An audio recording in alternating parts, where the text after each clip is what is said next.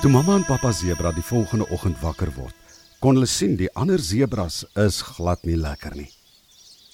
Mamma en pappa sebra kon glad nie verstaan waarom die ander sebras so vreemd na hulle kyk nie. Maar toe die sonnetjie mooi skyn, gaan al die sebras na die grasveld toe en begin rondwy.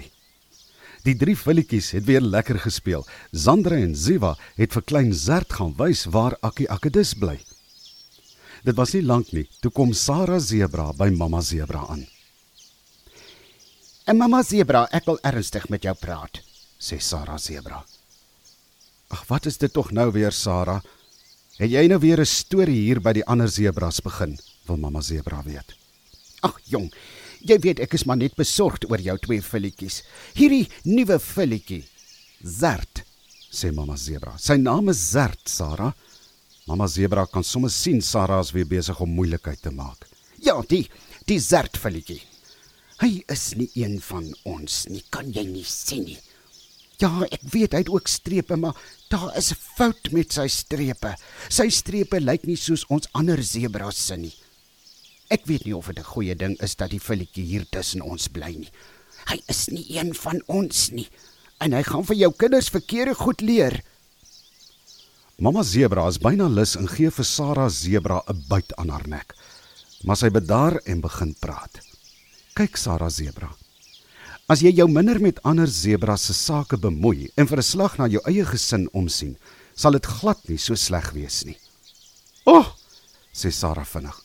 "Jy gaan nog baie spyt wees hieroor.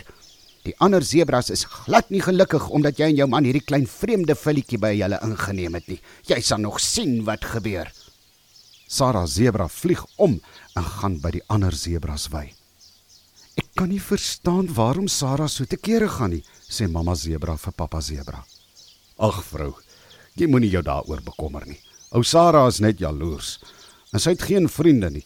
En nou kan sy dit nie verdra dat ons filletjies 'n nuwe vriendjie raak geloop het nie. En buitendien, klein Zert het sy eie mamma en pappa verloor. Waar moet die arme dingetjie bly?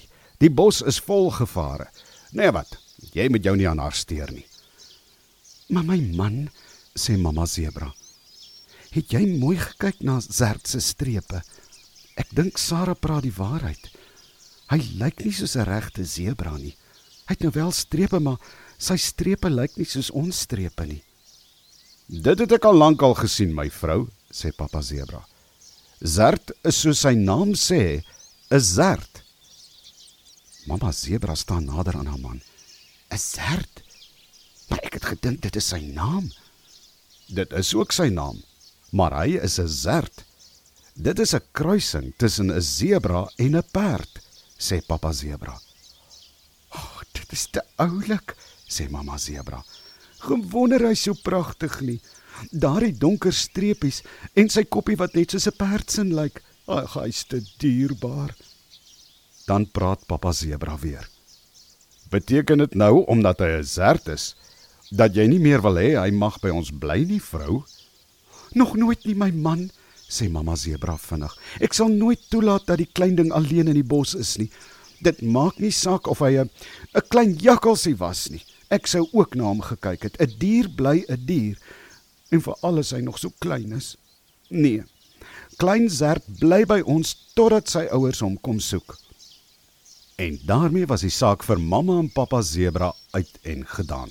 Hulle het klaar besluit om na klein Zert te kyk en hom te versorg soos een van hulle eie kinders totdat Zert se ouers na hom kom soek. Die drie filletjies Zandrey, Ziva en Zert het elke dag lekker gespeel. En selfs ou Akkie Akkedus het vir hulle baie nuwe dinge gewys en geleer op die grasveld. En elke keer wanneer een van die ander sebras vreemd na Zert gekyk het, het pappa sebra kwaai na hulle gekyk. "Julle los vir klein Zert uit," Hy is nou 'n deel van ons gesin en ek wil niks verder daaroor hoor nie. Die dae het verbygegaan en die drie filletjies het later soos boeties en sissies geword. Zert het begin groot word en later nie meer gevra oor sy eie mamma en pappa nie. Vir hom was Zandra en Ziva sy eie boetie en sissie en mamma en pappa Zebra soos sy eie mamma en pappa. Tot op 'n dag